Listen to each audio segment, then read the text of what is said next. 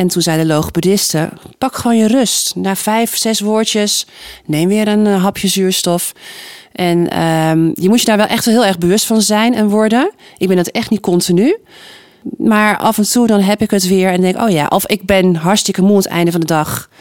En ik ga nadenken, hoe zou dit kunnen komen? Ja, toch meestal wel verkeerd stemgebruik. Welkom. Leuk dat je luistert naar Fris, de podcast. In deze podcast ga ik in gesprek met startende leerkrachten in het basisonderwijs. Er is veel uitval onder leerkrachten in de eerste vijf jaar dat ze voor de klas staan. Daarom ga ik in gesprek met leerkrachten die hun beginjaren net achter de rug hebben. Waar liepen ze tegenaan? Wat heeft ze geholpen? Wat ging er goed en wat ging er mis? En wat is hun gouden tip voor starters die net zijn begonnen? Mijn naam is Helga Kok. Ik werk 30 jaar in het onderwijs.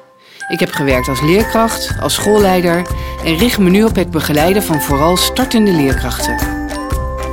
We zijn vandaag te gast op uh, basisschool De Krullevaar in de Meren. En ik ga in gesprek met Nandy, Nandy Hulshof, leerkracht van groep 7. Welkom Nandy, fijn dat je er bent. Dankjewel, jullie welkom hier. Dankjewel. Hoe was je dag vandaag? Hoe was mijn dag vandaag? Uh, mijn dagen zijn altijd goed, omdat ik gewoon echt het leukste baan van de wereld heb. Uh, vandaag was het hectisch, want de kinderen hadden CITO. En uh, 35 leerlingen en denk een derde was toch wel enorm gespannen. Dus het was echt heel erg van uh, hoe krijgen we ze weer ontspannen. Dus vooral de lat niet hoog leggen. En voor ons juf is het ook een avontuur, hebben we maar gezegd. En ja. En hoe heb je dat gedaan? Ze weer... Letterlijk zo zeggen.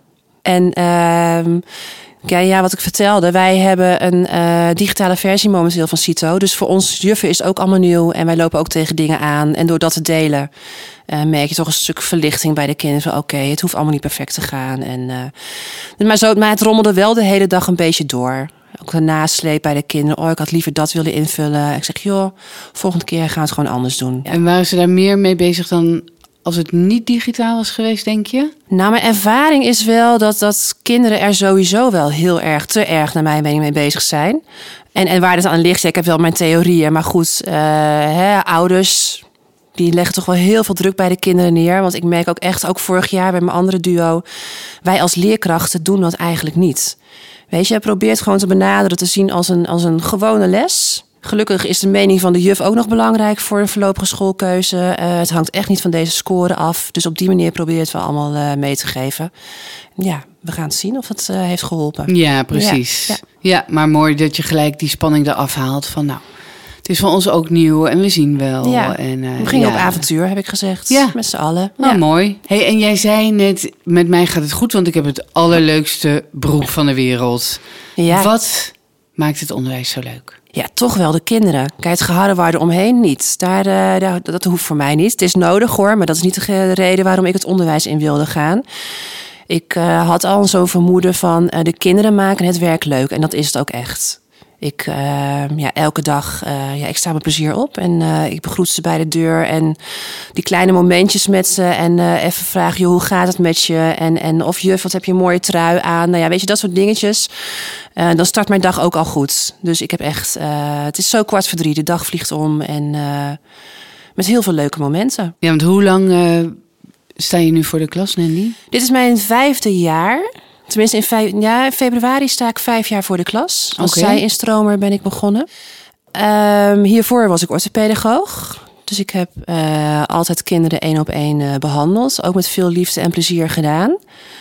Uh, Had je een eigen praktijk? Nee, ik werkte bij iemand in haar praktijk. En daar kwamen kinderen wekelijks naartoe om, uh, nou ja, met een specifiek probleem en uh, die daarvoor behandeld moesten worden. Klinkt heel zwaar hoor, mm. want het ging ook over leerproblemen die ook Hè, ik wil het niet uh, bagatelliseren, maar het was ook vooral heel erg leuk. En de meeste kinderen vonden het ook heel erg leuk om te komen. Dus ik, ik werkte wekelijks met, met kinderen en uh, met de ouders. Hè. Orthopedagoog werkt natuurlijk ook heel erg met de ouders uh, in de gehele opvoedsituatie. Maar dat was één op één. En mijn meisjeswens is altijd geweest juf worden. Oh ja. Echt, van, zolang ik me kan herinneren, wilde ik juf worden. Maar in de tijd dat ik van de haven afkwam... En ik blijkbaar in mijn hoofd had, ik wil alleen maar kleuterjuf zijn. Werd je niet meer opgeleid voor alleen kleuterjuf. Je moest ook voor een groep 8 kunnen staan. En als 16-jarige zag ik dat niet, uh, niet zitten. Dus ik ben naar het ateneum gegaan en toen was dat afgelopen. Toen dacht ik, ja, wat ga ik nu doen? Uh, ik ben open dagen van universiteit uh, langs gegaan en blijven plakken bij een college orthopedagogiek. En dat sprak me heel erg aan. En uh, zodoende ben ik die studie gaan volgen en ook later werkzaam geweest als orthopedagoog. En nogmaals, ik vond het hartstikke leuk, maar ergens bleef wel die wens Mm. van, ja, maar volgens mij ben ik op mijn best in een groep met kinderen. Gooi me in een groep met kinderen en ik heb het naar mijn zin. Maar goed, inmiddels moeder geworden, uh, twee kinderen, uh, met alle twee hun eigen dingetjes en, en nodige aandacht. Dus het kwam ook eigenlijk nooit echt uit. Totdat het ook met mijn jongste zoon uh, lekker leek te gaan. Dat dacht ja, maar als ik het wil doen, moet ik het nu gaan doen. Ja. En dat was dus uh, vijf, vier, vier, vijf jaar geleden. Ja. En toen heb je een opleiding aan de Marnix Academie gedaan, of niet? Het was aan de Marnix Academie inderdaad, ja. als zij-instromer. En uh, ja, dan zo'n heel assessment hè, moet je dan doorlopen. Hè, wil je geschikt uh, bevonden worden? Uh, in die tijd, wat is nu veranderd, hoor ik van collega's die hier nu als zijnstromerwerker, uh, kreeg je gelijk volledige verantwoordelijkheid voor een groep. Ja, ik vond het heerlijk. Ik vaar daar wel bij. Dus ik ben gelijk van dag één ben ik drie dagen fulltime uh, als leerkracht gaan werken met nul ervaring natuurlijk in het onderwijs. Dus ik vond het spannend van uh, ja, voor, ja, voor en gelijk op deze school. Gelijk op deze school. Ja. Voor mij is het een hele goede werkwijze geweest. Okay. Want ik wil gewoon gelijk doen en dan en heel graag horen wat ging goed, maar wat kan ik vooral nog verbeteren. Dus voor mij was het wel een hele fijne manier van, uh, van leren. Ja. ja. En vervolgens ben ik hier blijven plakken. Ja, ja. Het, het, het, bevalt me tot nu toe wel goed. Dus, uh, ja. En gelijk ook in de bovenbouw? Nee, ik ben begonnen bij de kleuters. Een half Toch, jaar. Ja. je meisjesdroom gevolgd. Nou, ja, ik was wel heel benieuwd toen ik dat hoorde. Van, oh god, hoe ga ik dat vinden? Maar uh, nee, er was uh, die collega die daar dus in die groep zat... die wilde wel graag een duo erbij hebben. Uh, of het was ook noodzakelijk, begreep ik later. En er was toevallig een kleutergroep. Ja. En ik heb het heerlijk gevonden. Echt, het was echt... Ja, ik vond het heerlijk, die kleintjes. Mm. Maar inmiddels kan ik zeggen, na een aantal jaar ervaring als groep 5 juf, groep 4 en nu groep 7... Um, ligt mijn voorkeur toch wel bij, de, bij deze doelgroep qua leeftijd. Bij de bovenbouw. Bij de bovenbouw. Ja. En hoe is dat zo gegaan? Dat je van de kleuters toch naar de. Nee, je kan elk jaar wel je, wel je voorkeur opgeven. Wil niet zeggen dat er ook naar geluisterd wordt. Plus, ik heb altijd wel aangegeven: joh, het maakt mij eigenlijk niet zo heel veel uit. Uh, voor welke groep je mij uh, neerzet. Ja, als ik maar het gevoel heb, ik kan hier echt, echt leren. En, en het ligt misschien ook een beetje aan wat voor een duo je naast je hebt staan. Maar Weet je, vorig jaar bijvoorbeeld kreeg ik groep 4 toegewezen. Dat ik dacht van jeetje, nog heel klein en heel jong. Nadat ik dus twee jaar groep 5 en deels ook groep 5, 6 uh, had gehad. Maar ik, ik vond het echt, uh, ze verrasten me. En, mm. uh, dus nu heb ik zoiets van, ja, vanaf groep 4 tot en met 8, ja, ik vind het helemaal leuk. Maar misschien dat ik volgend jaar verrast word met de groep 3 en dan blijkt ik dat ook weer heel erg leuk te vinden. Ja. Ik heb niet echt een specifieke voorkeur van ik wil alleen maar die groep doen. Nee, nee ik sta eigenlijk wel overal voor open. En, uh, Jij bent gewoon iemand die gewoon heel flexibel is en zegt van nou, als ik maar kan leren, dan. Ja, uh, en dan tussen is de goed. kinderen kan zijn. Ja. En uh, mijn studiegenoten destijds noemen we altijd blije ei in de werkgroep. Ik, ik, ja, ik ben echt zo'n blij ei. Ja. En, uh, en dan, dan maakt leeftijd denk ik voor mij niet zo heel veel uit. Alleen de manier van lesgeven, dat, dat is dan een verschil tussen bijvoorbeeld kleuters en uh, nou, nu een groep 7. Dan spreekt de didactiek van een groep 7 mij wel meer aan dan wanneer je met kleuters bezig bent. Dus dan zal ik meer op basis van de vorm van lesgeven meer kiezen voor wat oudere kinderen. Maar qua met kinderen zijn maakt het mij uh, niet uit. En wat vind je nou het allerleukste? Zijn er vakken zeg maar, die je heel erg leuk vindt om te geven? Nou, of? Ja, als ik dan een les moet kiezen, vind ik een taalles altijd wel heel erg leuk om te geven. Maar dat komt omdat ik het op dezelfde middelbare school uh, Nederlands ook een heel erg leuk vak uh, vond. Ik vond het heerlijk om opstellen te schrijven en om ook echt met woorden bezig te zijn. Dus ik merk ook aan mezelf van, dan vind ik het ook leuk om daarin les te geven. Dus dat enthousiasme is er dan bij mij wat meer. Um, zoals rekenen, een rekenles. Ja, inmiddels vind ik het hartstikke leuk. Maar dat heb ik mezelf echt moeten aanleren om het leuk te vinden. Want ik was vroeger echt heel slecht in wiskunde bijvoorbeeld. Mm. Dus dan heb je een bepaalde associatie met een, een vak, een les. Um, dus daar heb ik met het eerste jaar echt wel moeten aanleren van Nen. Uh, probeer het op een leuke manier te brengen. En, um, en inmiddels lukt me dat ook hoor. Maar als je dan vraagt, heeft je voorkeur, is toch wel de wat talige kant. En zoals projecten, we zijn nu met een werkstuk bezig. Ik vind het heerlijk om die kinderen daarmee te helpen. En uh, hoe zoek je dingen op? En... Want hoe gaat dat bijvoorbeeld, een werkstuk? Dan is het een Wat werkstuk naar aanleiding van een, uh, een leerplein... wat we elke vrijdag, vrijdagmiddag hebben. We zijn vorige week gestart met een nieuw leerplein kunst. En dat doen we samen met groep 8 En dan eh, hebben we eerst een inleidend uh, ja, soort college gegeven, PowerPoint, van joh, wat voor stromingen zijn er allemaal binnen de kunst? Wat is überhaupt kunst? Hè, wat voor vormen heb je daarvan? Nou, wij hebben toen uiteindelijk voor de schilderkunst uh, gekozen. Ehm, we hebben een viertal tijden hebben we aangegeven. Nou, deze stroming kan je kiezen. Nou, ik heb mezelf het impressionisme toebedeeld, omdat ik daar mm. zelf gewoon heel blij van word. Yeah. Um, dus elke vrijdagmiddag van 1 tot half 3 zijn wij bezig met groep 7 en groep 8 uh, om een werkstuk te maken. En dat doen ze individueel. En uh, aan de hand van een schema waar ze zich aan dienen te houden, um, zijn we de ene week dus met hoofdstuk 1 bezig. En in de tweede week uh, moet het af zijn, want dan gaan we verder met hoofdstuk 2. Dus iedereen loopt ook gelijk. En je merkt dat kinderen het best wel lastig vinden. Oh ja. Maar juist vind het best lastig om te plannen en om van joh, wanneer ga ik wat doen en um, vooral doorzetten. Dan merk je wel, hè, met de ene leerling is het enthousiasme er vanaf het begin, maar je ziet het best wel een beetje afnemen naarmate de tijd vordert. Nou, hoe, hoe zet je door? Weet je, om ze daarmee te helpen vind ik uh, heel leuk. Sommige kinderen vinden het juist heel lastig om te beginnen. Ja, juf, waar begin ik? Hmm. Nou, om ze daar dan mee te helpen. Um, plus ja, weet je, groep 7 op de middelbare school wordt bijna niet anders verwacht dan dat je werkstukken maakt en dat soort dingen. Precies. Dus wij vonden het wel slim om daar ook uh, een start mee te maken. Ja, mooi. Ja. En het is mooi natuurlijk om ze zo te kunnen begeleiden. Ik weet nog, ik was vorige week had ik een uh, lezing van, was ik bij een lezing van Jelle Jolles, neuroloog, die gaat heel erg natuurlijk over. Hij heeft ook de schrijver van Puberbrein bijvoorbeeld. Oh, ja, ja. En dan ging er zo, hij liet ook zo mooi zien dat die kinderen in die leeftijd echt die structuur van ons nog nodig hebben. Ja. Dat het zo druk is in die hoofden en dat er nog al die paadjes gelegd moeten worden en nog zoveel in ontwikkeling. Dat, dat het echt een illusie is dat ze het allemaal zelf zouden kunnen plannen. Van nou, je moet een werkstuk gaan maken, succes ermee. En dat ze echt dat nodig hebben om dat te leren. Ja, we hebben ook echt een stappenplan voor ze. Ja, uh, mooi. Ja, Waar heb jij nou als eh, starter veel aan gehad, Nandy? Nou, toch wel mijn contact eh, met de medestudenten.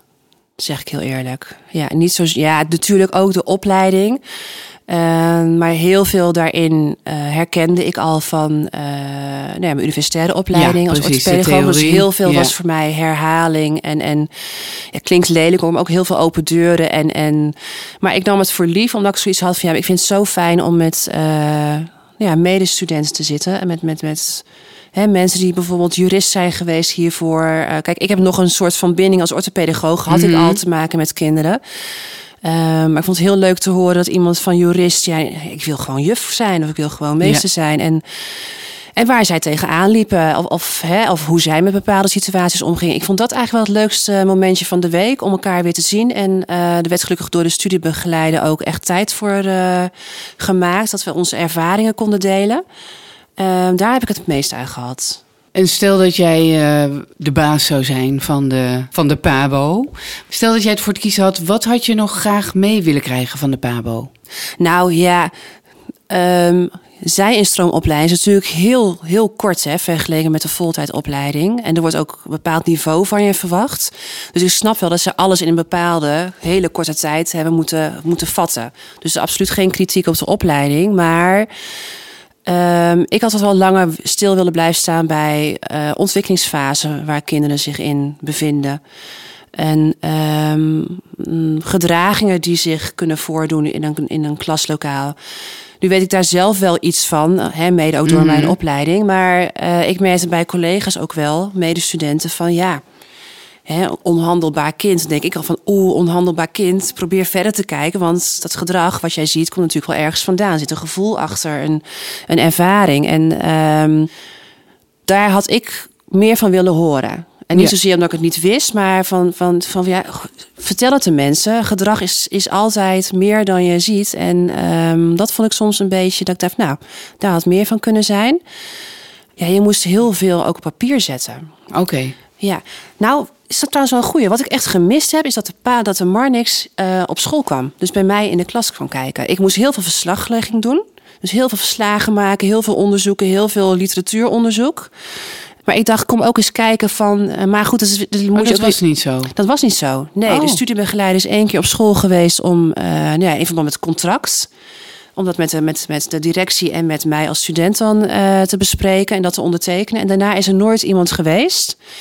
Ik heb er wel eens naar gevraagd natuurlijk. Maar ja, dat was niet de manier van werken destijds. Hoe het nu is, weet ik niet hoor. Nee, precies. Maar je werd, jij werd echt heel erg in diepe gegooid. Wij werden echt heel erg in diepe gegooid. En nogmaals, mij beviel dat enorm. Maar Ja. ik zag ook wel mijn medestudenten die strukkelden daar echt wel enorm mee. En, en, en er kwam niemand kijken. Ik denk, Nee. ik volg eens een keer een lesje. Ga daarna met elkaar om de tafel zitten. Joh, dit ging hartstikke goed. Maar een volgende keer misschien iets meer of iets minder dit. Dat was er niet. Nee. Dus, dus ik hoop dat dat nu wel eh, zo is. Dus jij hebt heel veel in de praktijk geleerd, ook van Ja. je collega's, denk ik. Zeker, heel Ja. vaak mijn neus ook gestoot. En ook vaak ehm, ja, dingen misschien te vaak dubbel gedaan. Omdat het nog niet helemaal hè, eh, onderdeel van mijn zijn was. En ehm, ja, gewoon heel veel doen en veranderen. En weer proberen. En Ja. zo kom je er uiteindelijk wel. Ja. Hey, en Nandy, ik weet dat jij eh, eh, wat last hebt gehad van je stem. En ik vind het wel leuk om daar even naar te kijken. Want misschien heb jij voor startende leerkrachten... Ik weet dat heel veel eh, starters wel last hebben van hun stem. Je hebt logopedie gehad, dat weet ik. Heb jij misschien nog wat tips voor mensen? Want ik weet dat heel veel leerkrachten gewoon veel te hard praten eigenlijk. Omdat ze bang zijn om niet gehoord te worden. En jij hebt daar last van gekregen. Je hebt logopedie gedaan. Maar eh, heb je misschien daar wat tips? Ja, tips die ik zelf natuurlijk ook in de praktijk moet gaan brengen, maar daar niet altijd heel erg consequent in ben. Eh, nu was het voor mij ook een, een flinke nasleep van corona, hè, wat op mijn stem is gaan slaan. Ehm, en, en het speelt nog steeds, dus ik heb nog steeds logopedie daarvoor. Oké. Eh, maar het zal een combinatie van zijn. En eh, nu ben ik niet iemand die haar stem heel hard gebruikt. Ik krijg regelmatig ook te horen dat mijn stem best zacht is. Eh, maar goed, je kan je voorstellen, ik zit hier nu in een, in een groep met 35 leerlingen. Ja. Ehm, dus je moet soms ook wel eventjes... Maar je kan je stem ook gebruiken, hè, juist op een hele zachte manier. En daar ben ik inmiddels ook wel achter. Eh, ik ga soms op normale toon praten zoals ik nu met jou praat. En dan ehm, kan de achterste mij misschien niet horen. Maar die wordt op een gegeven moment wel alert van... hé, hey, ik zie de juf bewegen met haar mond en ik kan het niet horen. Misschien moet ik stil zijn. Dus je kan het ook als instrument gebruiken... om juist wel de aandacht eh, te krijgen van de kinderen. Ja, en wat ik heel erg heb geleerd... en ook iets meer moet gaan toepassen van de logopedisten... is ehm, ja, sta, ja, ja, je aarden. Hè? Je moet echt goed staan. Ik ben iemand die weinig zit in de klas. Veel beweegt. ehm, veel van de houding wissel. Ehm, de logopediste is wel een keer bij mij in de klas komen kijken. Oh, Eh, ja, dat vond ik heel. Ja, ze kwam Ja. ze zelf mee. En anders had ik het willen voorstellen, maar ze kwam er gelukkig zelf mee. Ehm, en die gaf me dat ook allemaal terug. Van ja, je, bent, je hebt een rustige stem, eh, een duidelijke stem. Alleen jouw houding, die, die, die verandert continu. En, en af en toe ga je inderdaad wel zitten, maar dan hang je weer te veel met je linkerarm op tafel. En het heeft allemaal invloed op natuurlijk hoe jij je stem gebruikt. En op het, eh, nou ja, hoe ga je met je zuurstof om? Ik moet ook leren, en dat is deels wel door corona. Eh, ik heb het gevoel dat ik mijn adem in één keer op moet maken. Zeg, Oh ja. hak, hak je zin gewoon in stukjes. Natuurlijk wel op de meest logische punten van een zin. Maar hak ze in stukjes. Sta voor jouw gevoel dat je denkt van... ik sta wel overdreven stil nu bij deze rustpauze. Maar zo komt het absoluut niet over. Dus neem echt je tijd om een zin uit te spreken.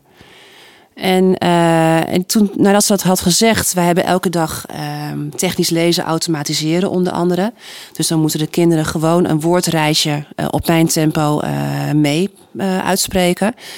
Ehm, ik probeerde dat in één teug adem te doen. En toen zei de logopediste, pak gewoon je rust. Na vijf, zes woordjes, neem weer een hapje zuurstof. En ehm, je moet je daar wel echt heel erg bewust van zijn en worden. Ik ben dat echt niet continu. Maar af en toe dan heb ik het weer en denk, oh ja, of ik ben hartstikke moe aan het einde van de dag. En ik ga nadenken, hoe zou dit kunnen komen? Ja, toch meestal wel verkeerd stemgebruik. En, ehm, dus ik ben er wel alerter op, laat ik het Ja. zo zeggen. Nou, Ja. ik vind het wel een hele mooie tip. Om niet al je zuurstof gelijk in één keer Ja. te hoeven gebruiken. En om daarop te letten. Want zo blijf je natuurlijk wel gezond. Zeker. En merk je dat je als je dat goed doet, eh, dat je minder moe bent aan het einde van de Ja. dag. Dank je. Ik denk dat veel mensen hier iets aan hebben, namelijk. Laten we het hopen. Ja. Volgende week is het de Week van de Poëzie. En eh, ook bij diezelfde Jelle Jolles, waar ik vorige week was, die gaf sowieso tien redenen waarom taal en lezen zo belangrijk is voor leerlingen. En die had het ook nog over het belang van poëzie. Dus ik dacht, dat is mooi om daar even bij Mhm. stil te staan. En ik heb meegenomen het boek Heel de wereld wordt wakker. Ik vind eigenlijk dat het op alle scholen zou moeten liggen. Het is een bloemlezing poëzie verzameld door Jaap Robbe. En ik zal even de achterkant voorlezen. Poëzie is onmisbaar. Poëzie verrast je en laat je anders tegen de wereld aankijken. En dat begint al als je jong bent. Daarom stelde dichter en schrijver Jaap Robbe deze bloemlezing samen. Hierin vind je de 333 mooiste Nederlandse en Vlaamse gedichten voor kinderen, geschreven tussen 1990 en nu. In elk van de vier delen in deze bundel stap je een nieuwe fase van de kindertijd binnen. Terwijl je groeit, groeien de gedichten met je mee. Je kunt dit boek je leven lang met je meenemen, steeds weer even openslaan en elke keer iets nieuws ontdekken. Nou, het is een, echt een prachtig boek met uh, gedichten van, uh, die ook heeft meegeholpen met samenstellen. Bart Moejaar, Tjitske Jansen, uh, Edward van der Vendel. Je kan het echt een hele mooie bloemlezing. En ik denk dat het heel belangrijk is voor kinderen om daarmee in aanraking te komen. Ik zeg ook wel eens van, nou begin gewoon elke dag met een gedicht. Of eindig de dag met een gedicht. Dat zou heel mooi zijn, denk ik, omdat in het onderwijs. Zeker, want ja. kinderen komen er niet, thuis niet altijd mee in aanraking. Om ze dan in ieder geval in het onderwijs mee in aanraking te brengen. En ehm, jij hebt ook een boek eh, meegenomen. Uh, ik denk dat het leuk is als, je da- als jij daar even iets over vertelt. Dan heb ik straks nog een gedicht van Rian Visser. En daar sluiten we dan Heel even goed. gewoon mee af. Ja.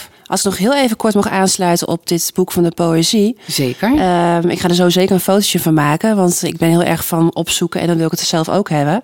Ehm, ik heb een hele dikke eh poëziebundel van Plint. Ik denk dat je dat misschien ook wel kent. Plint, de uitgever. En echt gedichten van troost staan erin. Ze bestonden onlangs 60 jaar. En ik heb zo'n heel mooi, zo'n goudkleurig boek is dat. En er staat onder andere ook poëzie voor kinderen in. Ze hebben ook hele mooie platen, eh, posters ja, daarvan. posters hè, en kussenslopen. Ja, echt en- van alles. Ja. Ehm, nog niet zo heel lang geleden, op donderdag, volgens mij een keertje, ehm, heb ik hem meegenomen. En eh, een aantal gedichtjes eh, voorgelezen. En ze vond het helemaal geweldig. Wat leuk. Ja, en ik zelf, het is echt zo'n boek wat je neerlegt om er zelf af en toe ook eens bij te pakken. Dus ik zelf blader daar ook in. En ik kan me voorstellen, zo kijkend naar dit boek, ehm, dat ik dat ook zou doen. Maar inderdaad, de kinderen worden, worden er gewoon heel enthousiast van. Mooi. Ja, net als de boeken van Toon Tellegem. Ja. Ik heb hier ook twee exemplaren in de klas liggen. Af en toe lees ik gewoon even zo'n kort verhaaltje. We hebben het over eh, fabels gehad en moraal van verhalen. En hoe leuk dan als je dat ook gewoon gelijk hè, dan, dan aan de hand van zo'n schrijver en met ze kan delen. En ze vragen er nu gewoon om. Oh ja, Van juf, kan je weer zo'n verhaal eh, lezen? wat geweldig. Dus ehm, ja, Ja. ja. mooi hè. Jaap Robbe heeft het dan inderdaad in dit boek ook in zijn voorwoord over leespaadjes. Dat het heel goed is om klein te beginnen. Met, hè, en dat dat pad gewoon vanzelf met je meegroeit. Maar Ja. dat wij moeten het als volwassenen natuurlijk aanbieden. ja zeker. En je, Ja. zult, je kunt ook altijd weer terug naar... Het is niet zo dat als je leespad groter is... eh, dat je dan niet meer terug kan naar dat kleine paadje wat er vroeger was. Dus dat zo'n bundel inderdaad heel fijn Ja. is om bij je te hebben... en af en toe gewoon in te bladeren te en te lezen. ja. Dat het met je mee kan groeien, de taal. Ja, en Welk boek zelf- heb jij meegenomen? Ja, een heel oud boek, hè? Inmiddels uit 1971 van Jan Terlouw, Koning van Kantoren. En toen jij mij vroeg van joh, ehm, een jeugdboek eh, uit te zoeken, was deze meteen die vooraan in mijn hoofd zat. Want eh, dit was mijn lievelingsboek vroeger. Ah, En, eh, en nog steeds vind ik het wel een van de mooiste jeugdboeken geschreven. Ehm, ik heb hem vorig jaar, meen ik, of het jaar daarvoor in groep 5 ook voorgelezen aan de klas. Ja, ik vind hem geweldig. En wat maakt het geweldig? Het is natuurlijk een absurd verhaal eigenlijk. Een jongen die, die allemaal opdrachten moet gaan uitvoeren... die echt, nou ja, te belachelijk voor woorden zijn. Dat gaat hem natuurlijk nooit lukken. zoals... En nou, ik moest eventjes terugbladeren. De, de twee die ik nog wist, eh, waren de vogels van Decibel. Dus vogels die heel hard aan het, aan het eh, wat doen vogels, kwetteren waren. Ja. Maar echt oorverdovend. En hij had dan de opdracht om dat eh, te laten verdwijnen. En ik wist nog eentje van ehm, de granaatappelboom. Dus in plaats van dat er leuke appeltjes aan groeiden, groeiden er allemaal granaten aan. Oh, En die gingen zo. af en toe kwamen die wel eens tot, eh, tot barsten, zeg maar. Losbarsten. Dus hij, daar moest hij ook weer een oplossing voor zien te vinden. Ja, en wat dan ook meehelpt, is dat eh, ik een hele gave meester had met een hele mooie stem destijds, die dat dus aan het voorlezen was. Oh. Daardoor blijven dingen natuurlijk ook eh, hangen. Uh, dus het is een combinatie van, van een ja, die, die meester die het heel spannend kon vertellen. Plus het verhaal natuurlijk van Jan Terlouw zelf. Natuurlijk, ja, ik vind het heel mooi in elkaar zitten. De reis die die jongen moet, maar ja, ik, ik vond het gewoon een heel geweldig boek. Ja, blijft een van mijn favorieten. En ook uh, tijdloos, hè? Dat je zegt van de kinderen hebben we vorig jaar vast ongetwijfeld ook nog van genoten. Nou ja, ik weet niet eens, ik heb niet eens gekeken hoeveelste uitgave dit inmiddels is. Maar dit is echt de tigste uitgave sinds 1971. Dus dat zegt ook wel in hoeverre kinderen dit nog steeds leuk eh, en spannend blijven vinden. Ja, mooi. Ja. Kan je nagaan hoe belangrijk dat is? Als jij nog weet uit jouw eigen jeugd, die meester die dat Ja. voorlas. En nu ben jij zo iemand. Nu ben ik zo iemand. En het leuke is, eh, volgende week heb ik een reunie van mijn basisschool. En dan komt deze meester van dorp, Ronald, die komt ook. Dus dan, eh, ja, hoe leuk is dat? Oh, wat leuk. Ja, ja. Nou, dan kan je dit misschien ook laten horen aan hem. Dat Ja, zal hij ook nog heel leuk vinden. Het is wel een Ja. eer. En Ja. een aanmoediging aan iedereen om voor te lezen en dat mee te geven aan kinderen. Hè? Hoe kun je nagaan hoe belangrijk dit is? Ja. Ik ga nog een gedicht voorlezen van Rian Visser. Rian Visser heeft, eh, is bekend van eh, bijvoorbeeld Robotoorlog en Blitz. Maar ze heeft ook een bundel geschreven en dat heet Alle Wensen van de Wereld. En het zijn gedichten van Rian Visser voor alle momenten van het leven, voor jong en oud. En dan zegt ze gedichten voor jong en oud over grote en kleine, fijne en moeilijke dingen. Wegkruipen, moed, hoop, wijsheid en nog veel meer. En Janneke Ipenburg maakte er lichtende, poëtische illustraties bij. Beste leraar. Ik wil geen cijfers, geen nullen, geen tienen. Ik wil geen pluimpje of duimpje verdienen. Ik vind het niet eerlijk dat jij steeds bepaalt wat er wel of niet mag, of dat je mij straft voor wat jij noemt mijn lastig gedrag. Help me gewoon, kijk hoe ik leer. Soms gaat het niet, dus schrik er niet van als ik weinig presteer. Dan kun je zien hoe ik langzaam verander. Vergelijk mij met gister, maar nooit met een ander. Ik moet nog ontdekken wie ik ben, wat ik kan. En weet je wat leuk is? Jij leert ook van mij, ook al was je dat misschien niet van plan. Mooi. Het sluit weer heel mooi aan met waar we begonnen. Over de spanning die er bij CITO, eh, die er was bij de leerlingen toen ze vanochtend er binnenkwamen en ze de CITO-toets moesten doen.